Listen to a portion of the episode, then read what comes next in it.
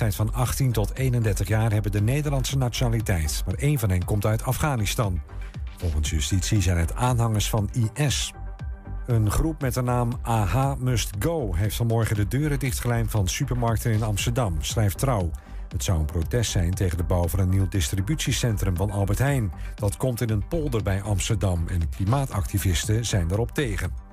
Horeca-ondernemers die zich niets aantrekken van de coronapas riskeren sluiting van hun zaak. Dat zegt minister Grapperhaus. Vanaf morgen kun je in een café, restaurant of theater alleen met een QR-code naar binnen.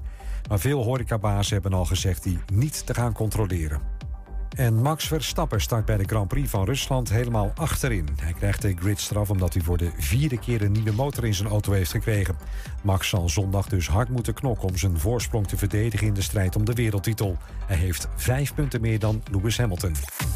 Het weer nog, vooral in het noorden en westen zon, landinwaarts ook wolkenvelden. Het is overal zo goed als droog bij 19 tot 22 graden. Morgen weinig verandering en nog een graadje warmer. Zondag nog meer zon. En tot zover het ANP-nieuws. Waar kan ik een APK laten uitvoeren en meteen een onderhoudsbeurt van mijn auto laten doen? Ik ga altijd naar eh, de gebroeders van der Meij uit Enschede. Vakmanschap, passie en echte service zijn kernwaarden van gebroeders van der Meij. Of het nu gaat om eh, APK-keuringen, reparaties, bandenopslag, totaalonderhoud, deuken verwijderen of een nieuwe trekhaak, zij regelen het voor je. Gebroeders van der Meij vind je aan de Lonnekerbrugstraat 80 in Enschede.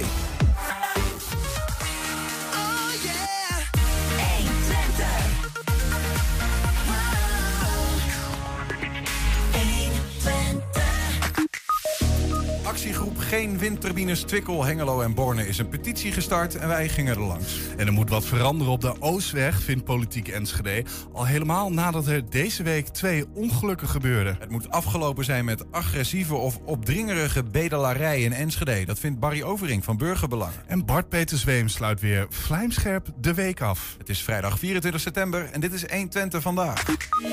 1 Twente. 1. 1 Twente vandaag. De ronde van Enschede gaat morgen dan eindelijk na een absentie van een jaar van start op de Universiteit Twente. De laatste maal dat deze koers op de kalender stond, was die nog enkel en alleen voor studenten. Maar nu heeft de organisatie een open inschrijving gehouden. Dus iedereen die zich geroepen voelde, kan op het parcours van eh, 1,2 kilometer met snot voor de ogen en een kin op het stuur koersen. Bij ons in de studio is Jesse Haaksman van de Ronde van Twente. Jesse, goedemiddag. Goedemiddag. Goedemiddag. Een jaar niet gekoerst in Enschede. Ja. Heb je er zin in?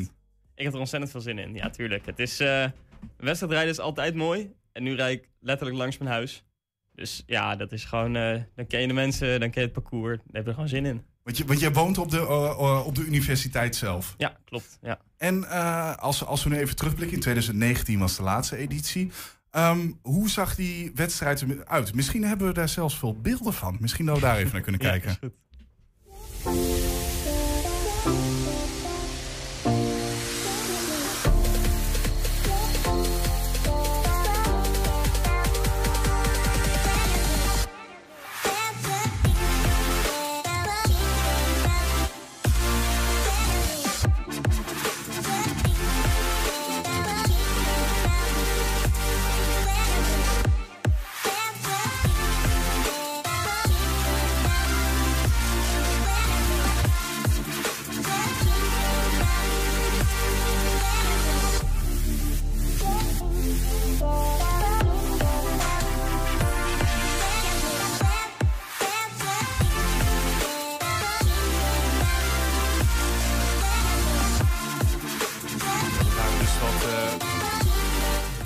van, uh, van de afgelopen editie van uh, de Ronde van Enschede. Hoezo heet het eigenlijk de Ronde van Enschede? Want het is, uh, dit is alleen maar op de UT, toch? Ja, dat ligt in Enschede. Ja, oké. Okay. ja. de Ronde van de UT kunnen noemen bijna. Dat toch? klinkt toch wat minder uh, aantrekkelijk ja, dan de Ronde van Enschede. Dat is waar. Ja, want als we het over de universiteit hebben, hebben we het over studenten. Want deze wedstrijd was niet altijd voor iedereen. Het was ook echt een studentenwedstrijd ja, vroeger. in 2019 was het het NK voor studenten. Dus dat hebben we toen georganiseerd ja, toen vonden we dat een, gewoon een heel geslaagde dag. Heel mooi. En uh, met de organisatie hadden we er heel veel zin in om dat nog een keer te doen. Maar een NK is ieder jaar op een andere plek. Dus uh, ja, toen hebben we ervoor gekozen om gewoon een nationale wedstrijd te doen. En eh, dat is dit geworden. Want eh, voor 2019, wa- eh, wa- was de- deze wedstrijd er ook al? Of Nee, nee, er is echt heel lang geen wielerwedstrijd in Enschede geweest. Wat eigenlijk wel gek is, want Hengelo had er bijvoorbeeld twee. En Oldenzaal heeft er één. En Borne. En overal in de buurt zijn wedstrijden, behalve in Enschede. Dus nou ja, we hadden wel het idee dat daar eh kansen lagen. Maar jij zegt eh, een NK, dat zo heet in het eerst voor studenten. Ja.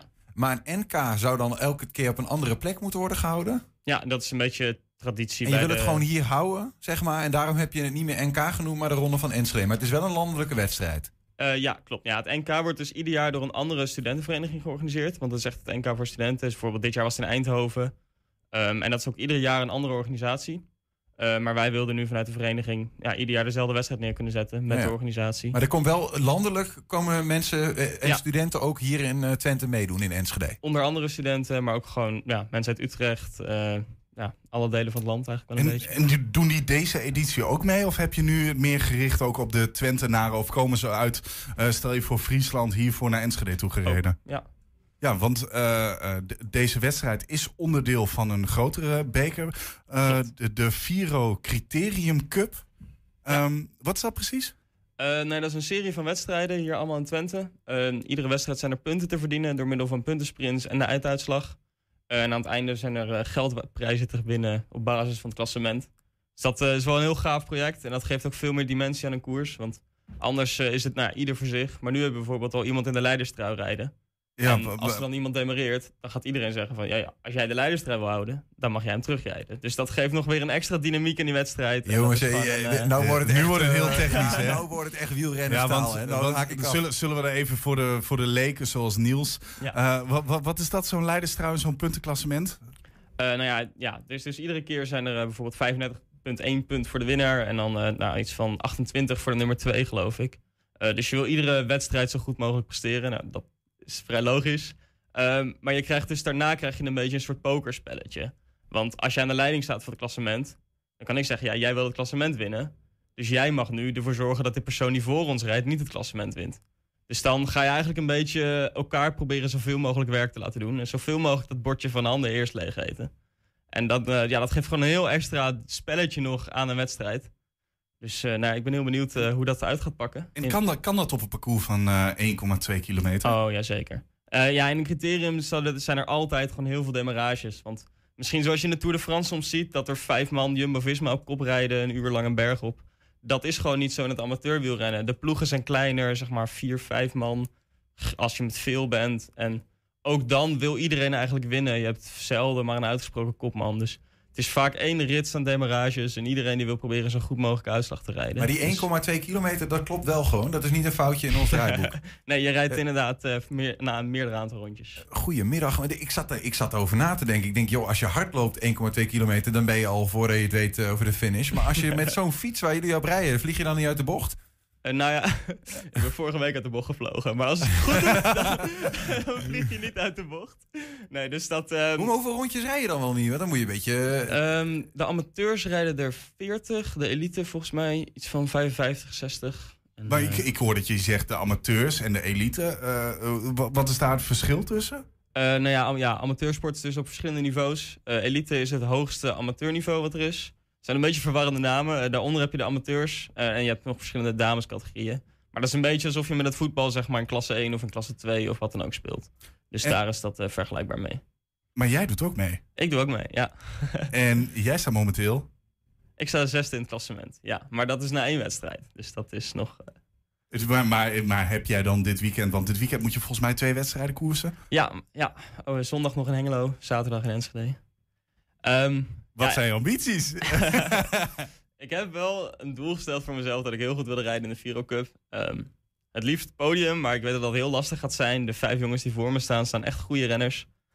Ehm, en ja, ik heb al eerder gemerkt, het is heel lastig om een wedstrijd te organiseren en goed te presteren in een wedstrijd. Want Hoe- ja, zo lastig is dat toch niet? Als je organisator Ja, als je, dan- weet, als je weet wat, eh, wat, wat de snelste lijn is. Nee, ja, of je kunt gewoon ergens af en toe even een dingetje op de baan... eh spij- niet van spijkermatje. weten. Nou, ja, ik zeg maar wat. Ja, nee, ja, misschien dat ik er gewoon creatiever over na moet denken. ja, dat, eh, nee, ja, je wilt eigenlijk gewoon eh, zo stressloos mogelijk naar een wedstrijd toe gaan. Gewoon een weekje eigenlijk een beetje uit je neus te vreten en niks te doen. Ja, dat gaat niet lukken als je een wedstrijd zelf organiseert. Julian, misschien Dus, moet jij een keer mee.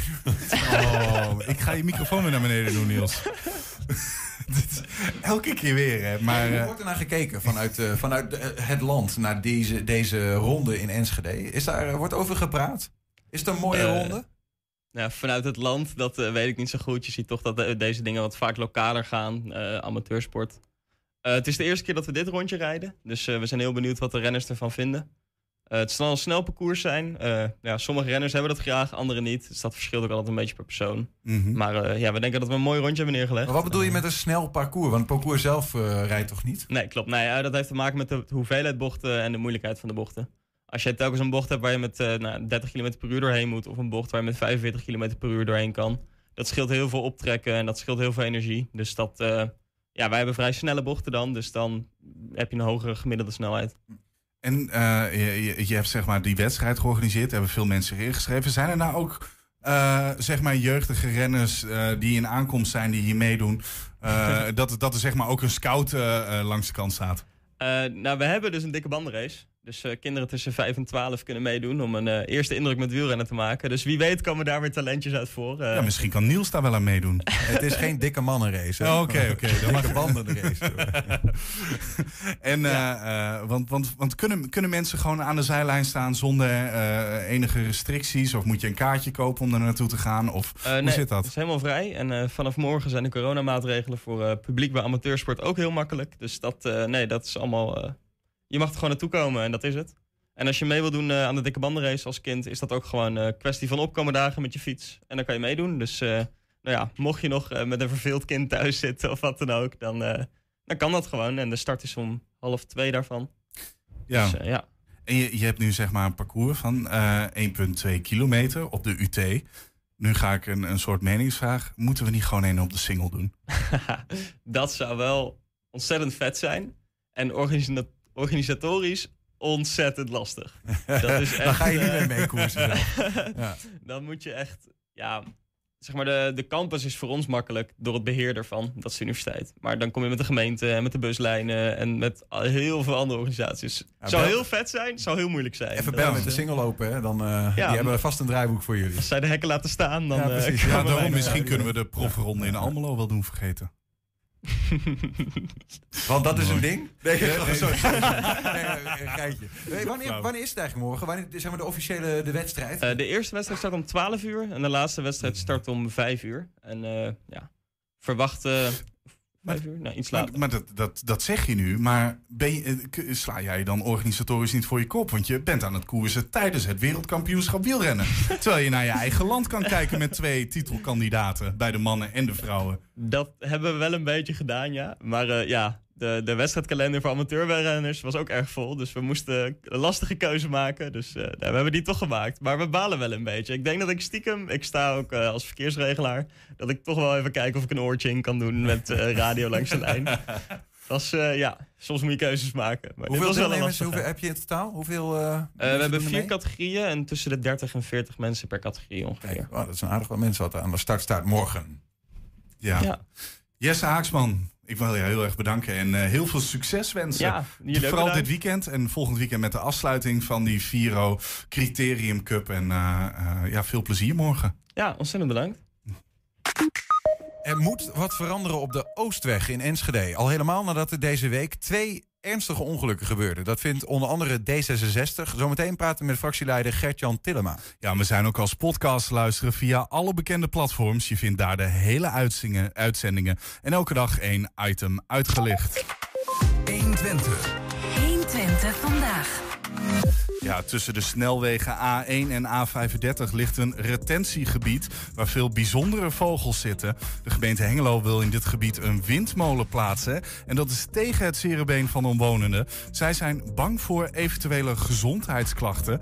Actiegroep eh, Geen Windturbines Twikkel, Hengelo en Borne verzetten zich tegen de plannen. En er is een petitie gestart.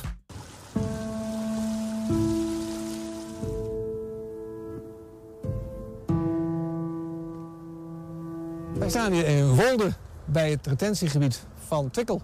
Ja, nou, er zijn plannen dat hier twee eh, windturbines moeten komen. Daar zijn jullie op tegen. Ja, dat vinden wij niet zo handig. Dat vinden wij niet zo leuk. Wij vinden dat dat op een eh, andere manier moet worden opgelost. We laten dit even midden hoe. Maar ik denk dat het niet verstandig is om hier windturbines te plaatsen... omdat hier veel te veel mensen in de buurt wonen. en als belanghebbenden daar last van hebben. En dan met name gezondheidsklachten zouden kunnen krijgen. Ja, en wat, voor gezondheidsklachten zijn dat dan? Nou, dat kan variëren van oorzuizen tot eh, hartfalen, tot eh, hoofdpijn, tot eh, de meest vervelende dingen. En ehm, hoe dichter je erbij woont, hoe erger het kan worden. Maar zelfs als je heel ver daar vandaan woont, ontstaat er een heel diep geluid. Een soort basgeluid op de achtergrond. En als je dat dus dag in dag uit gaat horen, die dingen draaien 24 uur per dag als het waait, dan kun je daar helemaal gek van worden de zaakjes. Wij waren natuurlijk in Hengelo gefocust op deze witmolens. En met name op, eh, op Wolde. Maar gaandeweg de tijd, al vrij kort nadat wij begonnen zijn... is duidelijk geworden dat ook in Borden men problemen had met de komende turbines. En ook in Westermaat. En in feite ook in Delden.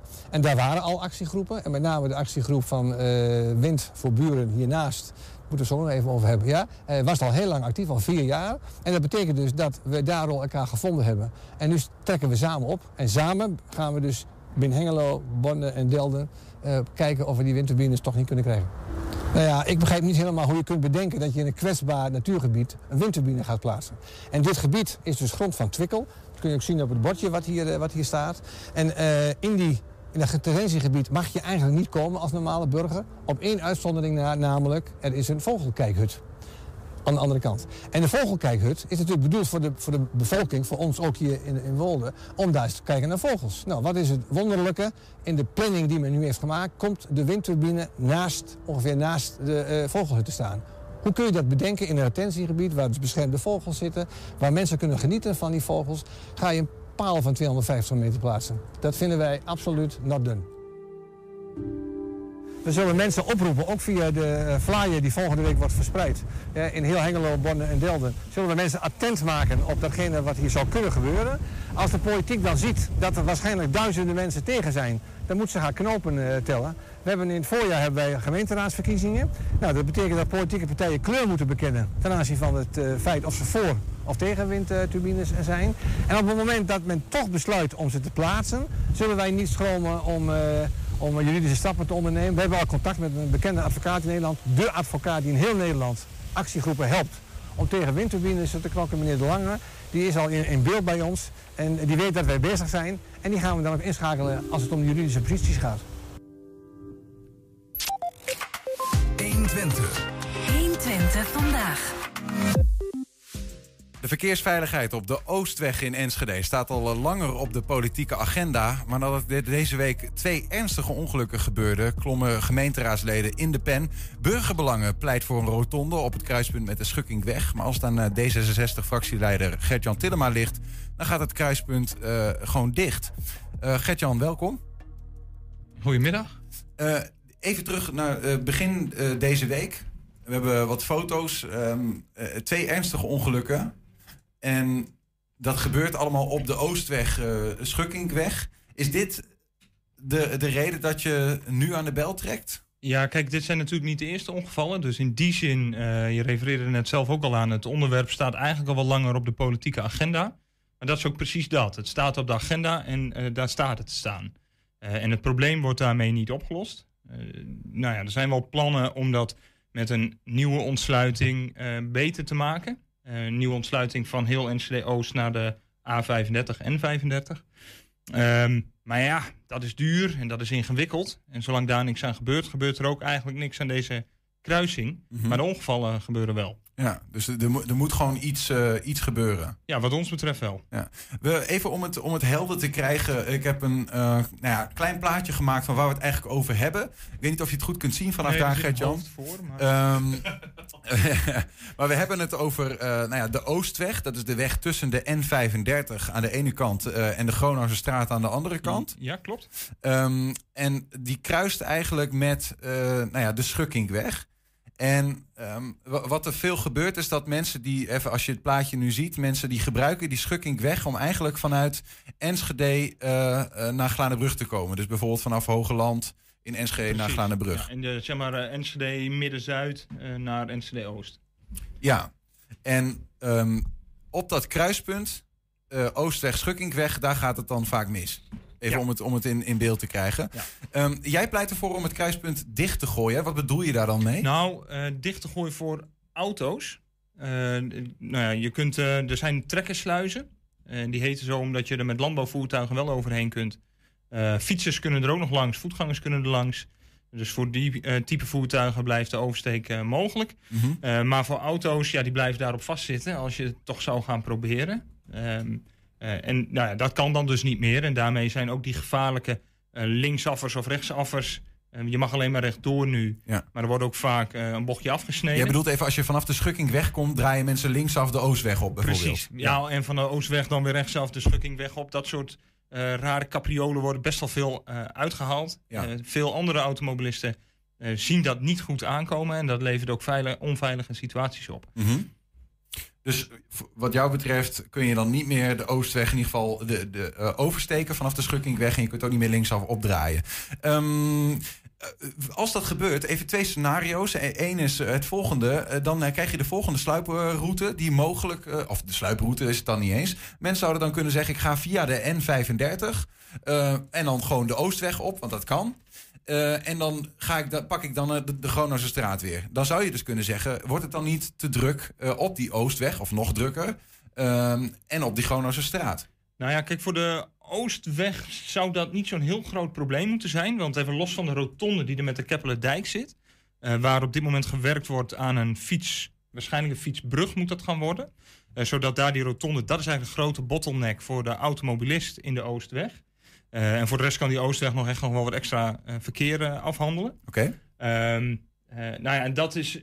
Voor de Gronostraat is het natuurlijk wel een dingetje om daar de NNN-optelsom bij te maken. Mhm. Maar daarom heb ik bij mijn vragen ook gerefereerd aan een extra ontsluiting voor NCD Oost. En daar zijn ook allerlei verschillende varianten voor mogelijk, maar een realistische, omdat het lang zo'n dure oplossing niet is als de oplossing zoals bijvoorbeeld burgerbelangen eh, eh, voor zich ziet. Eh, dat is een aansluiting op de Amtsvenweek. Dus dan kom je in Duitsland uit. En dan zou je onder Oikos eh, de verbinding We maken. hebben, daar, we hebben daar ook een plaatje van. Misschien kunnen we die eh, laten zien van wat je, wat je dan nu bedoelt. Ehm, kun, kun je la- eh, vertellen wat we zien, eh, Gert-Jan? Ja, je, je ziet hier Glanenbrug en eh, eh, de nieuwe, nou ja, relatieve nieuwbouwwijk Oikos.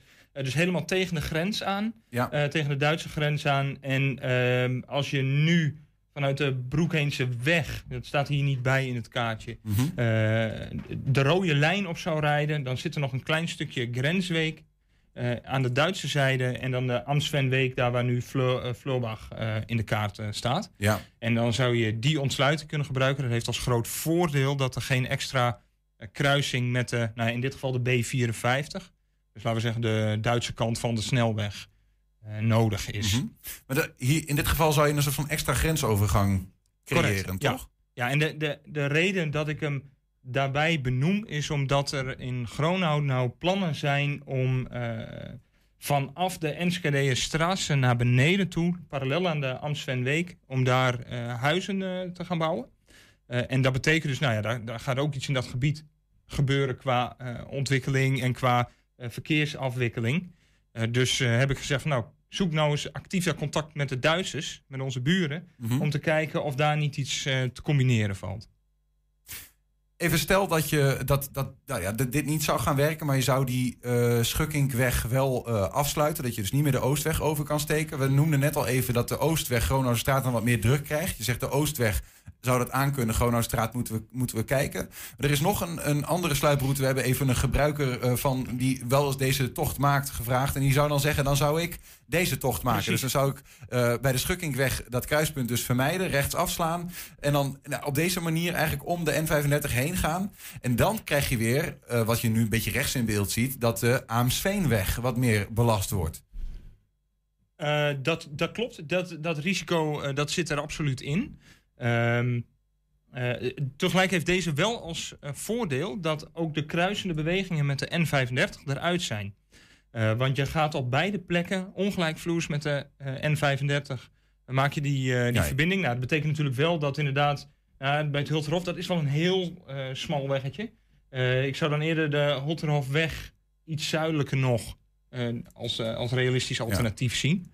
Maar dit zou, een, eh, dit zou een, goede, een, een mogelijkheid zijn. Dit is geen, geen groot probleem als, dit, eh, als hier verkeerd Nou ja, komt. Eh, kijk, waar hier schildersbedrijf Twente BV genoemd staat, daar, dat is niet alleen maar een schildersbedrijf wat er zit, maar dat is een heel rijd je eh, huizen en ook daar zijn de wegen vrij smal. Mhm. Dus ook dat is wel echt niveau sluiproute. Dus daar zul je wel wat aan moeten doen. Ehm, tegelijk, als wij doorgaan met de ontwikkelingen in Enschede, de Lurks Oost komt eraan. Eh, als je ook Esmarkenveld gaat ontwikkelen, dan komt de Gronauwse straat. Je komt op een of andere manier wel echt aan een maximum te zitten van wat verkeerskundig af te handelen is. En daar heb je wel een oplossing voor nodig. Zou je aan de noordkant van de N35 blijven zitten, zit je ook al heel snel met best wel eh, unieke en kwetsbaar eh, buitengebied. Waar ik toch niet graag daarvoor zou willen opofferen. Het is, nou ja, jullie laten nou één plaatje zien. Ik zeg niet per definitie dat dit de beste eh, route is. Eh, maar het klopt, eh, dit is een mogelijkheid. Ja, ja. Even, je had het net al even over die voorstelling van, ehm, eh, over het voorstel, sorry, van burgerbelangen. Die zeggen, maak er nou een rotonde van, hè, waar nu dat kruisje staat, gevaarlijk kruispunt. Ja. Te, te duur, zeg je dat nou? Ja, want je bent er niet alleen met die, met die rotonde. Want op het moment dat je die rotonde openzet, dan, zet je de, dan wordt het eigenlijk ook de afslag voor, ehm, eh, ja, voor twee kanten eigenlijk. Voor Glanenbrug wordt het de snelste route en heel Enschede Oost. Mhm. Maar ook richting het Hoge Land wordt het een hele interessante eh, afslag. Dus ook die twee, eh, ja, ja, ik weet niet of jullie dat kaartje nog kunnen laten zien. Die allereerste. die- de Schukkingweg zelf, zeg maar, wordt zowel richting het oosten als het westen een veel drukkere weg nog dan dat het. Ja, het is nu al een sluiproute.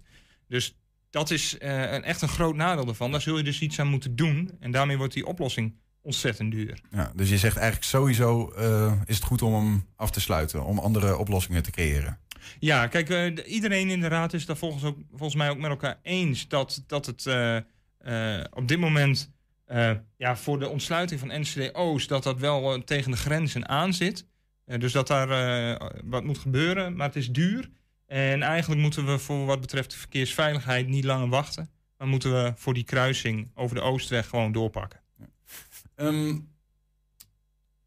eh, hoe, hoe gaat dit nou, zeg maar, want, want eh, hoe weten we nou, hè, jullie bij D66 hebben dit eh, idee, nou ja, Burgerbelangen heeft in ieder geval de red flag ge- gehesen. Ehm, ga- gaat er nou ook echt iets gebeuren? Eh, of eh, wa- waar ligt dat nou nog aan? Nou ja, even heel flauw gezegd. Als je pleit voor die rotonde, dan gebeurt er de aankomende vijf tot tien jaar niks. Want daar is geen geld voor. Uh, pleit je voor een trekkersluis, dan kunnen we het over een half jaar geregeld hebben. Dat is duidelijk. Ja, nou, dat is, een, dat is, gewoon waar het- een belangrijke waar reden waarom we voor een goedkope Ja, oplossing kiezen. Ja, precies, ja. En, en, en politiek gezien, eh, jullie gaan dat dan eh, opperen. Zeg maar, jullie hebben vragen gesteld. Hoe werkt dat dan verder? Nou ja, vanaf nu, kijk, ik heb twee opties eh, bekeken. Ik dien direct een motie in, maar dan wordt het wel eens niet eens tussen politici en het heet toch een lekenbestuur. En dus wat ik belangrijk vind is dat het college hier met de ambtenaren die zinnige antwoorden kunnen geven, inhoudelijk, eerst met die beantwoording komen. Om Mhm. aan te geven van dat lijkt ons wel wat of niet wat en, en, en de redenen die daarbij horen. En ik denk dat dat ook argumenten gaat geven, anders had ik de vraag niet gesteld, ehm, eh, dat dat inderdaad kan leiden tot eh, eh, sluiting eh, voor het autoverkeer van die kruising. Ja, precies. Ja. Het, staat nu in ieder geval hoog eh, op de agenda. Overigens, eh, nog één klein dingetje. Je hebt het al genoemd. Hè? We hebben het over die Oostweg. Die kruist op een gegeven moment met een rotonde met die Keppelendijk. Ik Ja. geloof dat je zelf ook wel eens regelmatig gebruik van maakt als fietser. Klopt dat? Ja, zeker. Ik woon in, eh in Enschede Oost eh, en mijn kinderen zitten eh op Land eh, op school. Dus dat is. eh, Ja, nou, de- komt eigenlijk dagelijks langs. kin- kinderen maken er ook veel gebruik van. Daar wordt veel over gepraat. Hè? Daar gaat dus nu, die, er zijn plannen voor die brug, om dat nog even genoemd te hebben. Je noemde het net al, over de Oostweg heen. Ja, en dat is een buitengewoon ingewikkeld verhaal. Want je kunt hem. Eigenlijk zou het ruimte technisch veel mooier zijn om daar een tunneltje te hebben. Maar we kennen de tunneldiscussies in Enschede. Dat aan de ene kant. En aan de andere kant. Veiligheid, rovers in de tunnel, dat soort Eh, dingen. Dat, Ja. soort, eh, ja, dat soort zaken. Eh, maar tegelijk is het ook zo dat qua leidingwerk daar heel ingewikkeld ligt. Dus Mhm. verdiepen zou heel erg duur zijn. Dus kom je vrij snel uit op de fietsers de lucht in. Ja, dat vraagt dan weer, wil je dat een beetje fietsvriendelijk doen? Hele lange aanlooproutes. Dus dat is nog niet zomaar ingepast. Maar dat is wel waaraan gewerkt wordt. Ja, ja. We gaan het zien. Er gaat, eh, eh, als ik dat zo hoor, in ieder geval vanuit politiek is er genoeg druk dat er uiteindelijk wel iets gaat veranderen, denk ik. Jawel, jawel, ja, zeker wel. Ja. Eh, Gert-Jan Tillema, dank voor jouw uitleg van deze eh, kwesties hier, eh, die we hier gezien hebben. Dankjewel. Graag gedaan. Straks praten we met burgerbelangenraadslid Barry Overink. Hij wil een bedelverbod in Enschede. 120. 120 vandaag. Ja, leerlingen van het Bonheuven College in Enschede bleven maar rondhangen op het schoolplein na schooltijd. Hoezo deden ze dat ineens? Ja, dat vroeg directrice Geriska Floor Mulder van de locatie aan Geesinkweg zich af. En ze vond een oplossing. Nee, dit is geen gamehall, maar gewoon een leslokaal in een middelbare school. Goedemiddag. Ja, je ziet dat de jongeren eh, ja, elkaar gemist hebben, ook in de coronatijd. Maar we zagen ook dat ze hier wel wat rondhingen. Nou, dat hadden soms de collega's die lesgeven nog last van. Eh, ja, ze hadden niet echt een plekje waar ze gewoon op een gezellige manier samen kunnen zijn.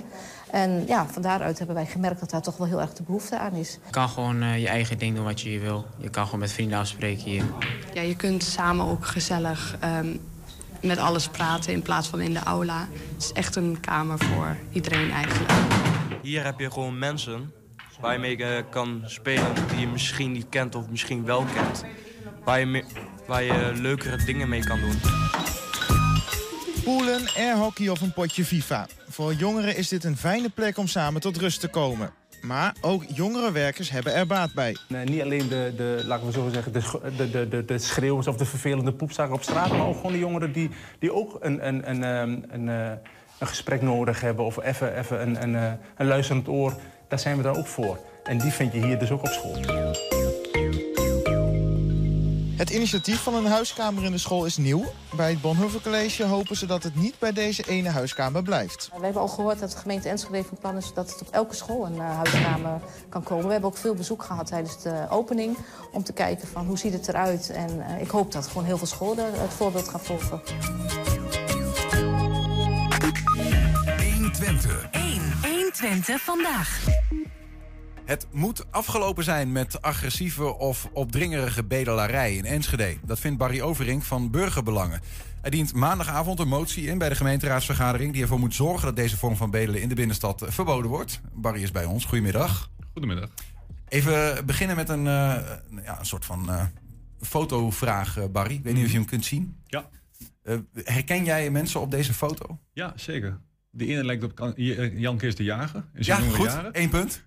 Ah, minister van Financiën Ja, destijds. Ja, en ik zie eh, onze eh, Euro Arnold eh, natuurlijk. Ja, precies. Die, in Enschede, Arnoud Losse, Euro, Ja. Euro Arnoud. Die daar mogelijk de minister van Financiën om een eh, muntje kwam vragen. Ehm, nou ja, toch een toonbeeld van, eh, wat mij betreft, iemand die bedelt in Enschede. Ehm, even, jij beschrijft namelijk heel specifiek ehm, eh, agressieve of opdringerige bedelarij. Valt Arnoud onder die eh, categorie? Heel soms wel. Eh, maar over het algemeen is dit niet de doelgroep eh, die ik bedoel en die ik ook eh, probeer aan te spreken eh, en probeer te laten handhaven. Eh, waar het namelijk eh, om gaat, en daar zit ook wel de nuance even in. Hè? Eh, er is namelijk ook eh, een Europese uitspraak geweest vanuit het Europese recht. eh, die zegt dat eh, vanuit de mensenrechten dat daar gewoon je moet kunnen bedelen. Maar de nuance daarin is op het moment dat jij eh, dat op een intimiderende manier doet, of een provocerende manier, ja, dan eh, dat is inderdaad niet passend en eh, daar kunnen we dan, eh, zouden we tegen op kunnen treden. Dus op die manier heb ik dat dan ook verwoord. Op, een, op het moment dat mensen bedelen, op een intimiderende, intimiderende of een provocerende manier, ja, dan moet je ingrijpen.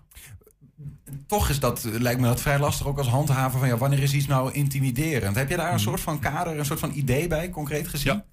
Ja, eh, waar ik het heel specifiek ook over heb in, eh, in de motie. En dat zijn echt concrete voorbeelden die ik gewoon eh, nou ja, bijna dagelijks ziet in de stad. Afgelopen zaterdag was voor mij nog weer de meest recente keer. Ik ben hier overigens al anderhalf jaar mee bezig. Hè, maar toen kwam COVID er doorheen fietsen. En nou ja, was het minder in de stad allemaal. Ehm, dit zijn echt met name de mensen vanuit, Rome Roemenië. en de Roma eh, cultuur. Er worden gewoon echt serieus s s'morgens mensen afgezet in de stad. Eh, die gaan daar die dag bedelen. En vervolgens worden ze s'avonds weer opgehaald. Ehm, ik weet dat de Roemenen zijn omdat de Roemeense kentekens zijn. Dus vandaar dat ik maar even die, die link leg. En dat blijkt ook uit een, eh, eh, uit een onderzoek uit de Radboud Universiteit die daarover over is gedaan. Maar wat je daar ziet is inderdaad, nou ja, het voorbeeld van afgelopen zaterdag nog, is dat daar een, een heel, zo'n hele kleine man met een hele grote bochel op zijn rug, ja, die gaat echt midden in het raadhuis staan. Maar vervolgens kleedt hij zich ook nog helemaal uit, dus een ontbloot bovenlichaam. Die gaat midden op die straat staan. Eh, mensen schrikken daar echt van. Eh, vanuit de winkeliers, ja, is daar ook eh, natuurlijk wel is dat niet fijn. Want op het moment dat mensen daar willen gaan shoppen en je- dit is het eerste beeld, ja, dan is dat gewoon niet prettig. Ehm, ja, dus dat, ja, dat is echt provocerend gedrag is dat. En dat zie je ook met een, zo'n oudere vrouw. helemaal in, in donkere kleding, een hoofddoek om. Niet vanuit islamitische overweging, denk ik, maar gewoon vanuit de Eh, ja, en die loopt daar met een, een koffiebekertje loopt ze over, de, over de straten te kruipen. Je vindt, het een soort, is het een soort van emotionele chantage bijna? Ja, oh ja dat, dat zeker. Eh, Sterker nog, we moeten ook niet eh, naïef met z'n allen hierom zijn. Dit bedelen wat op deze, eh, vanuit deze vorm, dat is gewoon een verdienmodel. Eh, en dat is heel wat anders dan eh, Arnold een keer doet en die gewoon vraagt van, eh, heeft u nog een eurotje van mij? Eh, ja, dat, dat is in, die zin, vind ik zelf bedoelt, niet dat doet hij voor zichzelf en de andere, dat zit een heel netwerk achter. dat is de oh, gedachte. absoluut. Ja, zeer, zeker. En dat blijkt uit, uit, uit, uit onderzoeken die daarover zijn gedaan. En het is ook niet voor niets dat andere steden, zoals een Rotterdam, een Leiden, Den Haag, Utrecht, Nijmegen is ermee bezig geweest. Heeft trouwens niet aangenomen. Maar het is niet voor niks dat al die steden ook hier aandacht voor vragen. Ja, toch lijkt het me lastig om, om, om te weten waar dan eh, de grens ligt. Je kunt niet zomaar aan iemand zien van, hé, hey, die is onderdeel van een verdienmodel. Nee, dat niet altijd. Al heb je natuurlijk ook wel gewoon in je gezonde verstand en je onderbuikgevoel. En eh, vaak, kijk, ik, wij zijn geen professionals daarin. Maar vervolgens, als je kijkt naar de politie, handhaving, die zijn daar natuurlijk ook veel beter op getraind. En die, die snappen ook veel beter welke richtlijnen voldoe je dan aan. Want die zijn eigenlijk best wel vanuit het Europese recht zijn die best wel goed beschreven. Ehm, nou, en dat is ook echt iets waar, waar zij ook veel beter kunnen handhaven. Ja, Maar- over het Europees recht, sorry, maak, je, maak je zin af, want ik val je in de reden. maar uiteindelijk is het ook gewoon, eh, gewoon op het moment dat jij dus iemand zo provocerend op straat ziet zitten, ja, dan kun je wel nagaan dat dat inderdaad eh, daaronder valt. En dan kun je mensen ook aanspreken eh, en verzoeken om weg te gaan. Want dat is het ook gewoon. Dat is wat je doet. Want even over die Europese regelgeving. Hè? Je noemt het al een paar keer. Ehm, Mhm. in, in mijn beleving, ik dacht van ja, volgens mij, eh, ik dacht helemaal dat het niet mocht überhaupt, hè, bedelen op straat. Mhm. Maar je ziet toch wel, ook in Europa, in grotere steden, eh, en ik, mijn beleving vooral buiten Nederland, dat de, de bedelaars daar wel zijn. En in, in Nederland zie je ze minder, maar tegenwoordig steeds meer. Wat, wat, wat is eigenlijk de regel op dit moment? De regel in de zin van? Nou ja, in, in, in Enschede, wat, wat, ma- je, mag dus, je mag wel bedelen. Nee, wij hebben geen regels. Het moet worden opgenomen in onze eh, APV, Algemene eh, Plaatselijke Verordeningenstad. Eh, dat is eigenlijk een soort gereedschapkist waar allemaal maatregelen in zitten die, die de BOA's of de politie kunnen gebruiken om inderdaad te handhaven. Eh, maar op dit gebied hebben we helemaal niets. Eh, dus er is ook helemaal niets. eh tenzij natuurlijk openbaar dronkenschap is of dat soort dingen die erbij komen dan. Hè, maar dan is het vaak een groter probleem. Ja. dan zou je daar wat mee kunnen doen. Ja, maar dat wordt niet altijd gehandhaafd. Maar goed, dat gebeurt op meerdere dingen. Hè. Bijvoorbeeld ook drankgebruik in de openbare ruimte. Mag bijvoorbeeld ook Ja, niet. precies. Maar Wordt gedoogd. bijna niet af. Ja, nou ja, Ja. gedoogd niet, maar er wordt bijna niet op gehandhaafd. Ehm, we hebben ook nog eh, de, de mensen die bijvoorbeeld wel bij winkelcentra die we zien, eh, die dakloze kranten verkopen of wat dan ook. Ja, dat kan ook vrij ehm, eh, manipulatief overkomen soms. Is, zijn die ook in die groep van intimiderende bedelaars? Nee. En dat heeft meer te maken, zo'n dakloze krant, daar zit vaak wel ook een organisatie achter, maar dan vanuit een goede bedoeling. En dat heeft alweer te maken met een stukje inkomen en dat soort wat die mensen toch nog weer een beetje kunnen doen. Eh, en, daar, en ik heb het zelf nog niet meegemaakt. Ik kom die mensen vaak, wel tegen. Wij doen ook wel eens bij dezelfde supermarkt de boodschappen. Hè? Maar eh, daar staan ze ook wel eens met, met zo'n krant. Maar die vind ik zelf niet provocerend. En die zijn ook niet opdringerig. En die vragen natuurlijk wel hè, er belang bij hebt. Maar dat is wat anders dan intimidatie. Dat is wat anders dan provoceren. Ja, en daar ligt wel echt de grens eh, waar je eh, strak op moet zijn. Overigens, maar goed, dat is altijd een beetje. Ik heb ook altijd het idee dat die mensen soms ook onderdeel zijn van een grotere groep. die zomaar weer hun geld doorsluizen. Maar ja, dat kan ik niet bewijzen. Maar dus misschien moeten we het daar ook niet over hebben. Ehm, eh, wat ik me nog wel afvroeg, als je het hebt over regelgeving. eh, toen we het hadden, toen, toen, toen we, jij het idee bracht van de bedelverbod, toen dacht ik, ja, volgens mij ken ik dat ergens van. Is het niet eh, in Enschede als eerder op de agenda geweest? Eh, nou ja, ik, anderhalf jaar geleden wilde ik het zelf wel doen, maar toen kwam het er niet van. Ik heb het eh, links en rechts wel een keer benoemd destijds. Eh, voor mij is er ooit wel een keer iets geweest, maar er was echt een. een, een, een voor mij had het ook te maken met straatintimidatie in de brede zin. Hè. Dat ging toen voor mij over die merten en zo. Ja, we dachten in 2014, 15 is een keer een motie eh, ook aangenomen, zelfs door de gemeenteraad, eh, voor een soort van bedelverbod in Enschede. Maar goed, dat ging toen naar het college. Die de- diende weer een voorstel in van zo gaan we dat aanpakken. En dat was weer niet goed. Moest terug naar de teken- tekentafel. Maar het is nooit weer teruggekomen in, eh, in stemming, lijkt het. Het is mij niet bekend. Niet bekend? Nee, nee. Nee. En ik zit inmiddels al 7,5 jaar in de gemeenteraad, maar dit hebben we nog niet eerder op de agenda gehad. Oké, hoeveel draagvlak denk je dat er is voor, eh, voor je plannen maandagavond, eh, Barry? Ja, ik heb eh, natuurlijk al, ehm, voordat ik met zoiets begin, ehm, heb, heb ik natuurlijk al met een aantal partners gesproken. Hè. Ik heb een gesprek met de politie gehad.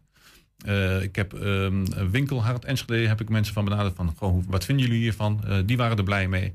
En natuurlijk daarna heb ik mijn collega, collega raadsleden heb ik ook gevraagd van, goh, ik ben hiermee bezig.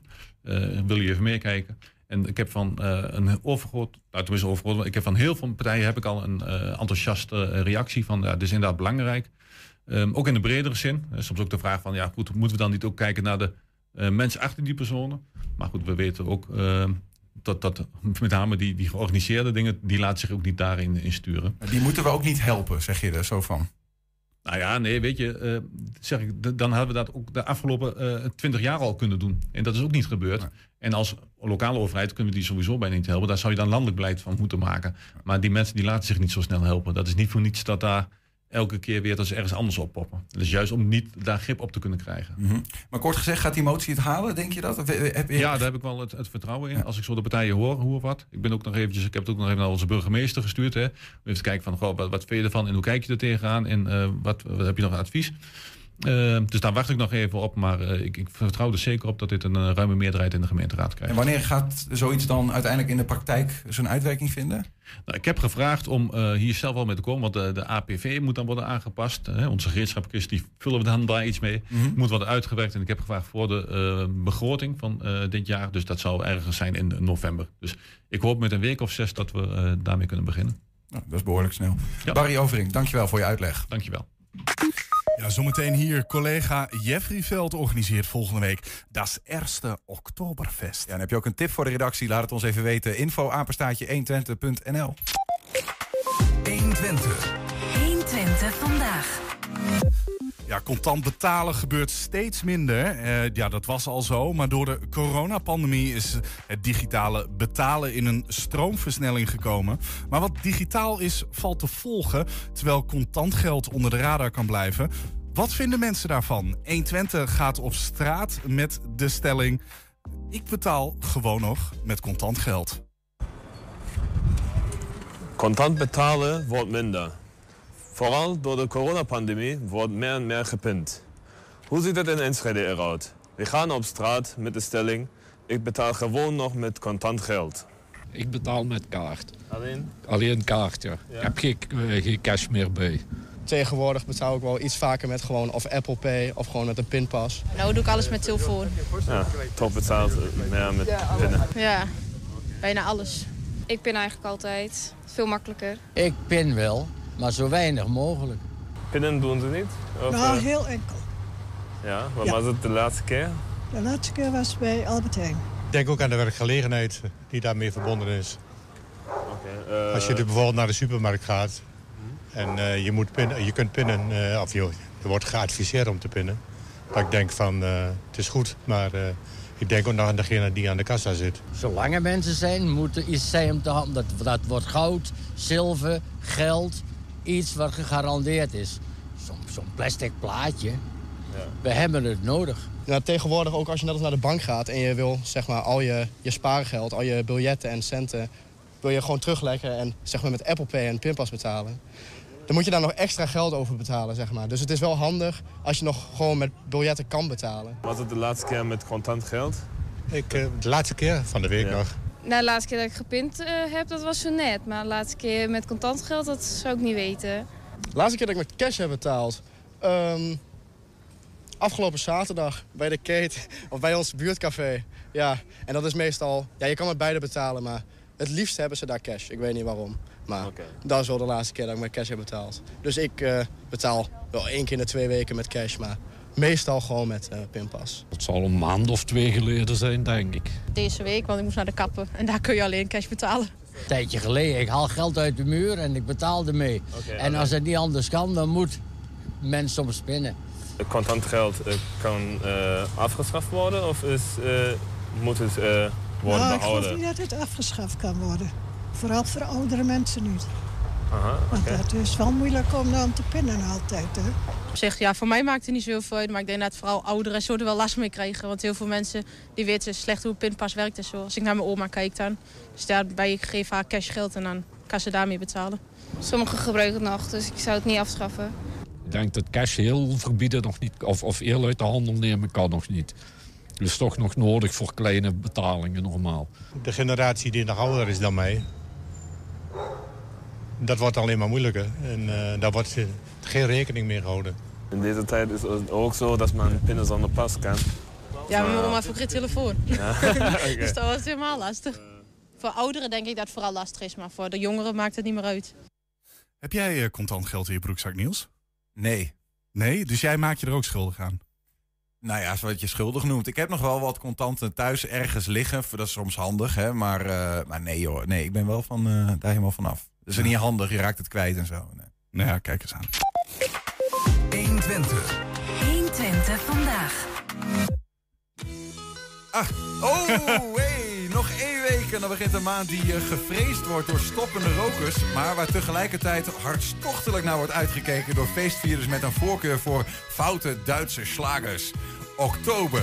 Voor Jeffrey Veld en een aantal van onze andere radiocollega's kan het feesten die maand niet vroeg genoeg beginnen. En daarom beginnen ze letterlijk heel vroeg met Das erste niederländische Oktoberfest mit Wilfried Wildschwein, Jesse Arians, Marco Kratz, Tim Schalk, Wolfgang Sauvi und last but not least, dir immer Hansi.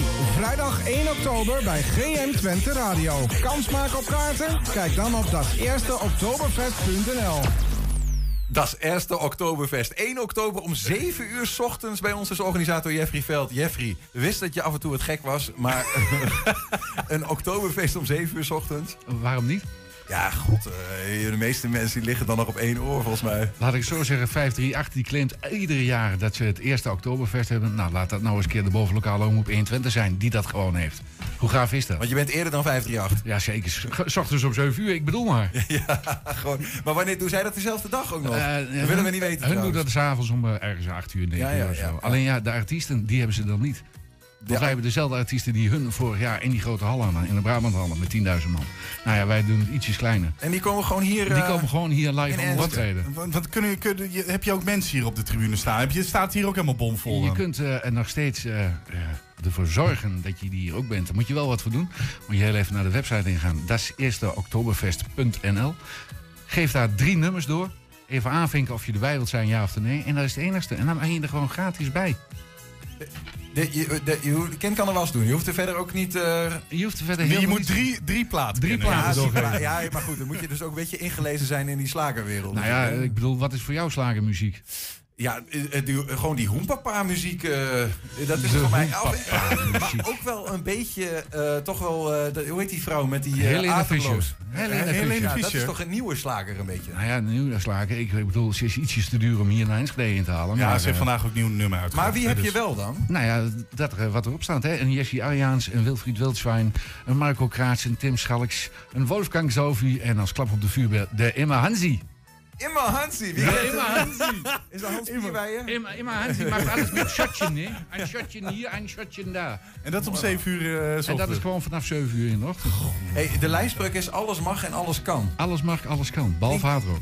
Oké, oké, oké. Dat oké. zou ik je vast. Ik dacht, Ja. het klinkt een beetje... eh, ik- ja, het klinkt bijna kinky, hè? Nou ja, laat ik zo zeggen. We roepen wel iedereen op natuurlijk om in eh klederdracht te komen. Oftewel, der lederhose geht aan. En die dendel. Dus, dus we gaan Benny Spijkerman in een dindel zien. Bijna. Hij heeft, Oké. eh, kijk, eh, Marco Kaats heeft, of Tim Schalks heeft natuurlijk een heel mooi nummer uitgebracht. Dat is eh, De Roze Flamingo. Nou, als je daar Benny voor zet, dan weet je ook waar wij het door de week elke keer over hebben. Oftewel Benny de Roze Flamingo. Dus of Benny nou in lederhozen is of is als flamingo, dat weten we niet. Hey, wat is nou... Dat is, dit, het is ook een beetje een journalistiek programma, hè? Dus we moeten af en toe een beetje een diepe vraag stellen. Dan had je mij niet uit moeten nodigen. Waar komt nou jouw liefde voor zo'n Oktoberfest vandaan? Nee, daar, waar komt het ge- gezelligheid vandaan? Daar moet je het vanuit. Want we hebben natuurlijk ook in maart hebben we de Foute Vrijdag gehad. Nou, als je kijkt hoeveel reacties we daarop hebben gehad. Mhm. En je doet het niet voor jezelf, je doet het gewoon voor de luisteraars die het leuk vinden. Laten we dat even vooropstellen. Maar gelukkig zit Ja, maar jullie vinden dit uitknop. fantastisch. Ik, ik merk ik aan alles. Vind je? Ja, ja, ja, tuurlijk man. Dat lijkt me zo. Heb je zelf ook wel eens in Duitsland eh, op zo'n tafel eh, staan dansen? Eh dat mag ik niet vertellen van mijn reclasseringsambtenaar. hey, je gaat eh, de mensen kunnen stemmen, dat zei je De net. mensen kunnen stemmen. Daar ga je ook iets mee doen, denk ik. Ja, eh, die gaan we uiteraard in die vijf uur. Want nou ja, die artiesten treden niet continu op. Ze zullen twee, drie keer een nummer gaan zingen. En een big party van maken. Maar de rest wordt allemaal gevuld met de muziek die de luisteraar wil horen. Dus eigenlijk, ja, wat is jullie Oktoberfestplaat. Geef hem maar door. Maar hoe doe je dat stem ook alweer?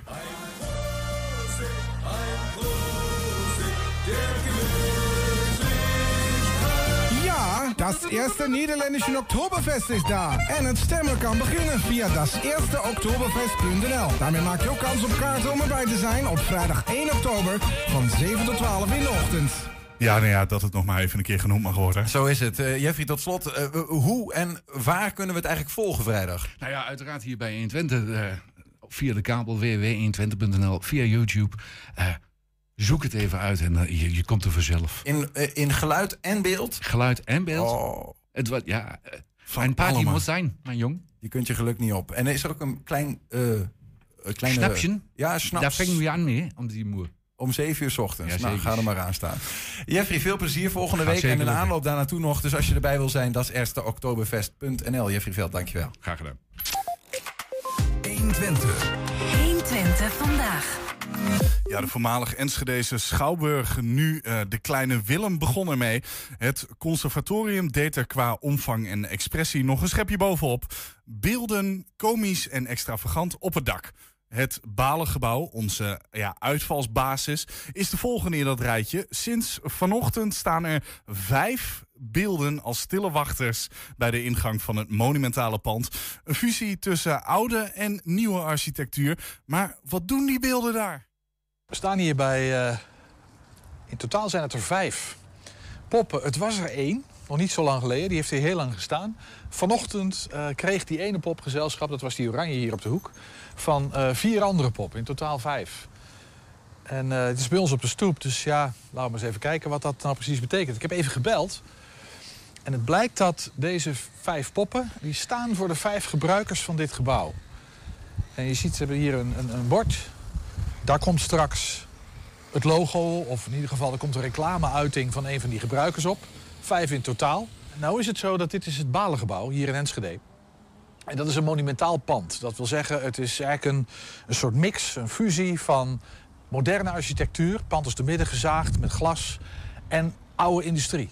En ja, je mag niet zomaar borden en, en, en letters en dat soort dingen op die gevel plakken. En het is een heel gedoe geweest van ongeveer eh, twee jaar, denk ik. Van praten en puzzelen van hoe gaan we nou aan de buitenwereld laten zien dat wij hier zitten. Geldt ook voor ons, hè, 120, want wij zitten hier ook in de kelder.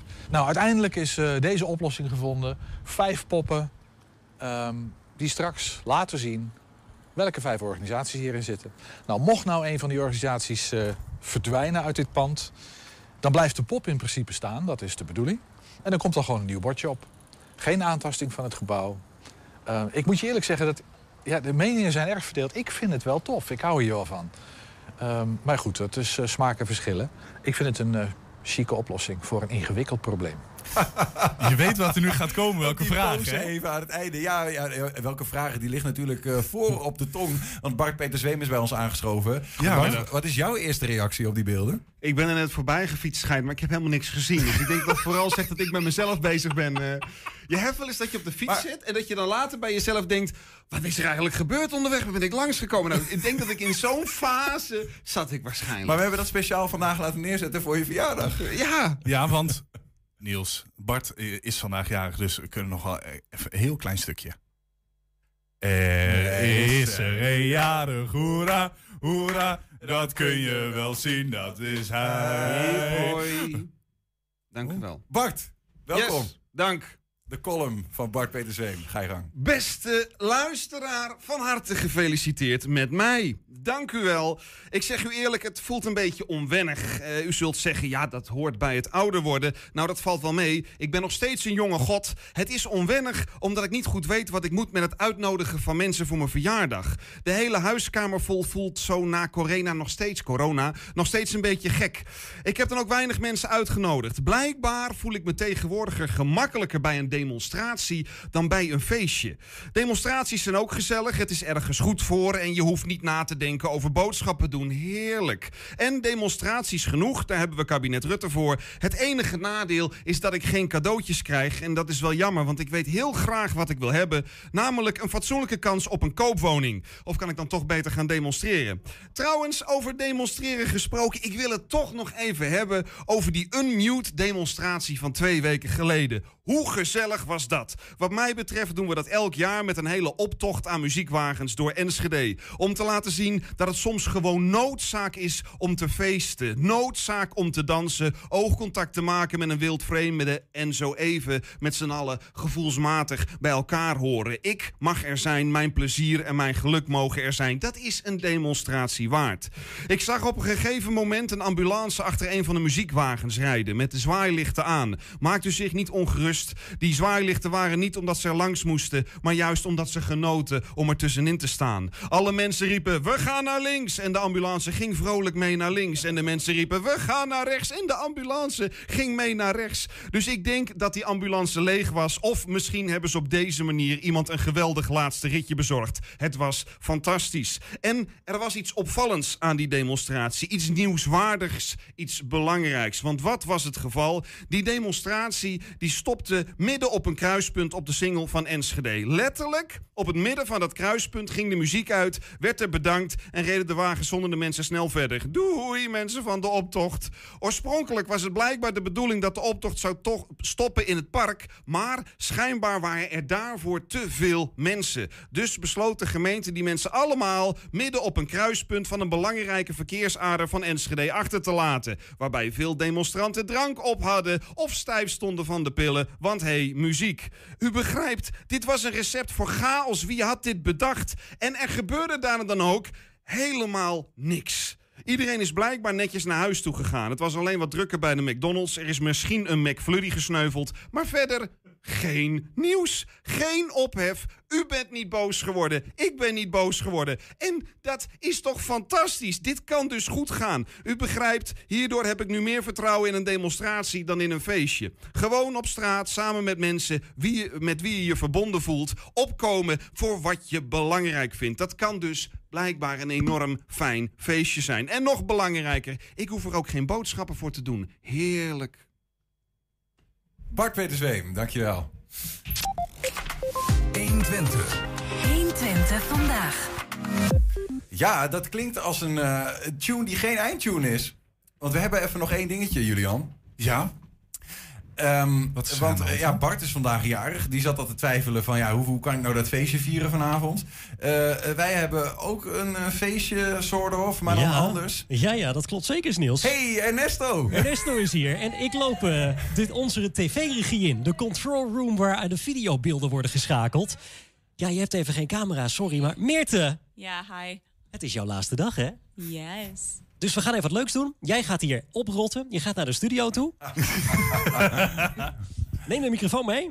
Ja, mag ik tussendoor Bart nog wel feliciteren met zijn verjaardag? Je, ma je mag Bart feliciteren, ja. Mag wel. Mocht u Zelf altijd... gebakken. Ik wist dat je jarig was, dus ik dacht, neem taart mee. Hi. Hey, Mitte Hey, Nijman, kom zitten. Welkom in de studio. Ja, eh, Hallo. no- normaal ziet u haar nauwelijks. Ze zit of in die regiekamer te schakelen... of ze staat achter een camera. Maar je hebt wel eens wat gepresenteerd trouwens, eh, ja, dat Mitte. klopt. Haha. Ja, of wil je daar niet over praten? jawel, jawel, jawel. Wat voor dikke. Het is, eh, ik, ik weet nog, eh, ik, volgens mij 2014 begon ik als vrijwilliger bij deze omroep. En kort daarna kwam jij stage lopen. Ja, ongeveer gelijk met jou. Want de video, er is een foto gemaakt nog wel dat wij eh, als stagegroep begonnen. En daar stond jij bij op, want jij Ja. was net nieuw. Ja, ja, ja. Net Dus, als ons. We go way back. En dan ga je weg. Ja, helaas wel. Ja, helaas en niet helaas. Het is een beetje dubbel. Want aan de ene kant ben ik heel blij dat ik iets leuks nieuws heb. Maar aan de andere kant is het wel heel gek om hier weg te gaan. Hey, als je nou terugkijkt, hè, en ik weet, we overvallen je hier een beetje mee, maar die vraag moet natuurlijk wel gesteld worden. Nee, Wat- ik had kunnen weten. Wat maar... komt er dan soort van meteen bij je op? Van waar, waar- moet je dan aan denken? Wat zijn de projecten die voor jou eh 120 hebben gemaakt voor wat het is? Ja, weet ik eigenlijk niet precies. Ja, echte projecten niet. Maar ik merk wel gewoon dat het een bedrijf is wat gewoon... Toen ik begon was het nog TVN geschreven. Ja. Dus het is vooral eigenlijk een bedrijf dat gewoon heel erg gegroeid is. En waar ik mee gegroeid ben eigenlijk. Mhm. Want ik heb hier mijn stage gedaan. Toen ben ik soort van weg geweest. Heb mijn programma nog een tweede seizoen gemaakt. Ben ik Enschede even weg leeft. geweest. Gaat kijken. inderdaad. Ja, ondertussen zeven jaar oud.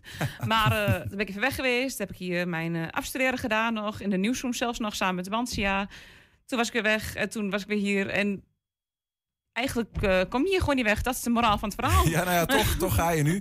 Ehm, maar, je kunt niet echt iets benoemen waarvan je zegt van... Nou, dat vond ik wel echt een mooi moment uit mijn eh, loopbaan bij 120. Ik ben eh, namens In Twente naar Sarajevo geweest. Ik ben met Shelterzoek mee geweest om een heel mooi van de slaapzak meer naar een vluchtelingenkamp toe te brengen. Kijk, dat is een fantastisch project geweest, maar eigenlijk... Dat tekent jou trouwens ook wel. Dan moet ik daar nu aan denken. Want ja, je had er zo eh, kunnen doen als een of andere sponsor lopen ook naar Sarajevo. Ja, had ik, ik heb na, na dat project, het jaar daarna, heb ik eh dezelfde aantal kilometers van Losser naar Sarajevo heb ik eh, elke maand toen gefietst. Nou ja, kijk, hier, daar gaan we al. Eh, Het tekent jou al die dingen die je voor eh, medemensen doet. Ook in die tijd dat je bij 120 zat. Heb je ook ook een dieptepunt met ons te delen? Wat, is nou, eh, t- wat, Ja, wat, is er dit. echt, wat was er nou verschrikkelijk? Ja, nou, die vaatwassen, jongens. Poh. Niet normaal. En al die mensen die die vaatwassen nog steeds niet inpakken, zelfs als er een rooster is, dat ga ik niet missen. Oh, oh, nou wordt de vuile was van 120 wel heel erg buiten gezet. Heb jij de vaatwas vanochtend al gedaan, Niels? Nou, Ja, jij was ehm, gisteren. Ja, nee, maar ik moest, ik, moest, ik moest hem uitpakken, maar iemand had hem niet aangezet vanochtend. En dan ben ik ook heel principieel. Dan pak ik hem ook niet uit. Ja. Want dan is het nog fel. Ja, maar Ja, je moet de en mensen niet te veel prijs geven van deze Dan mag ik even toxic... inbreken. eh, Marley en ik hebben hem vanmiddag met z'n tweeën uitgepakt, omdat jullie het allemaal weer niet gedaan hebben. Arme Marley. Ja, ja, Straks ben ik er niet. S- ochtends moest ik me uitpakken en daarna niet meer. Ja, heel simpel. Eh, nou wordt het heel erg in crowd. Ja, ja, ja, ja. Hey, maar Mirte, ehm, eh, het, eh, dank je voor, eh, voor je tijd. En ik bedoel, het is leuk om even de collega's die weggaan... ook hier in het programma nog even te bedanken. En ik denk dat ik na- namens de collega's doe. We gaan zo meteen nog uitgebreid met elkaar kijken naar wat je hebt gemaakt. En eh, vast nog wel even een Wat biertje jullie drinken. hebben gemaakt. Ja, nou ja, eh, ehm, maar misschien ook wel een beetje wat jij hebt gemaakt. hè? Want ook daar zullen vast beelden bij zitten die het daglicht niet hebben kunnen zien, maar toch wel deze studio straks.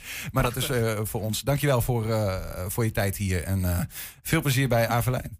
Dankjewel. Wat een leuke verrassing dit, jongens. Ja, en daarmee sluiten we 120 vandaag af. Terugkijken, dat kan direct via 120.nl. En vanavond om 8 en 10 uur. Je mag er gewoon doorheen praten. We gaan meer te missen. Zonder meer te geen 120 vandaag. Wij zeggen tot maandag. 120. Weet wat er speelt in Twente. Met nu het nieuws van 4 uur. Goedemiddag, ik ben Peter van Oudheusden. De politie heeft in Eindhoven negen mannen opgepakt voor het plannen van een aanslag. Ook waren ze ervoor aan het trainen. De verdachten in de leeftijd van 18 tot 31 jaar hebben de Nederlandse nationaliteit. Maar één van hen komt uit Afghanistan. Volgens justitie zijn het aanhangers van IS. Een groep met de naam AH Must Go heeft vanmorgen de deuren dichtgelijmd